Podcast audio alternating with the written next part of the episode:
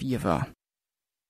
Nu er der nyheder på Radio 4. Danske lønmodtagere, der arbejder i et fysisk hårdt arbejdsmiljø, har større risiko for langvarige sygemeldinger.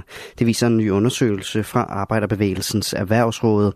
På baggrund af data fra en spørgeundersøgelse af Arbejdstilsynet i 2021, kan de konkludere, at hver fjerde lønmodtager med et hårdt fysisk arbejdsmiljø bliver langvarigt syge.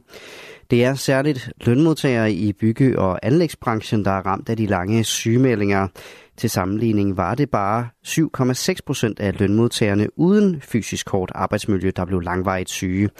Når mange bliver syge af deres arbejde, så er det ikke kun ulykkeligt for den enkelte.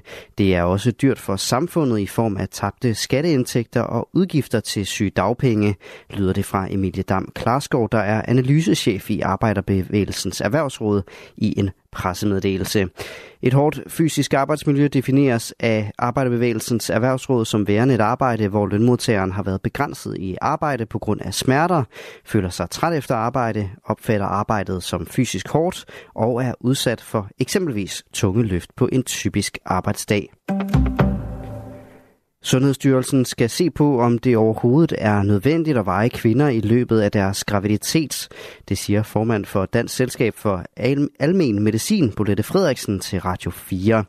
I dag anbefaler Sundhedsstyrelsen, at alle kvinder bliver varet minimum tre gange i løbet af graviditeten, men styrelsen bør altså se kritisk på øh, retningslinjerne, siger Bolette Frederiksen. Randi Møllemark O'Connor ville også ønske, at fokus på vægt havde været mindre, da hun gik til jordmor under første graviditet. Her fik hun nemlig at vide, at hun havde gjort skade på sin krop og sit barn, fordi hun havde taget for meget på.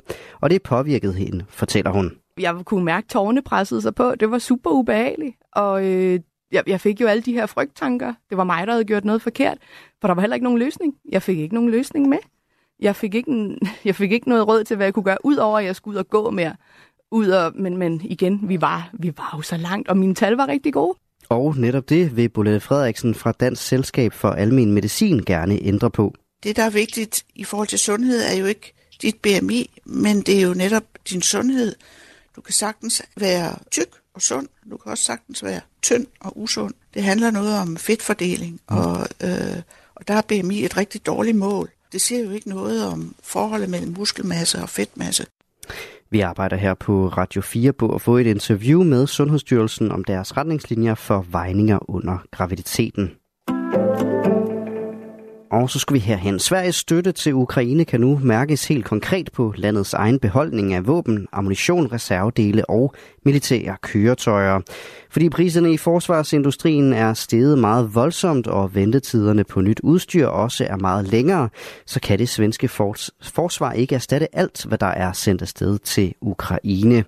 Vi gør det gerne for sagens skyld, men det har selvfølgelig en betydning, siger den svenske forsvarschef til SVT ifølge DR. Og der var jinglen. Fragtskibet Ruby Mara er i fare for at synke, efter at det i går blev angrebet af Houthi-bevægelsen i Adenbugten ud for Yemen. Det oplyser Houthi-bevægelsens talsperson for militære anlægner her til morgen. Skibets besætning er i god behold, lyder det videre. Fragtskibet er britisk ejet. Det britiske maritime sikkerhedsfirma Embry oplyste i går, at et fragtskib var blevet angrebet ud for Yemen. Gråvejr de fleste steder og perioder med lidt regn, dis eller tåge. Stedvis kan der dog komme korte kig til solen. Temperaturer op mellem 3 og 8 grader.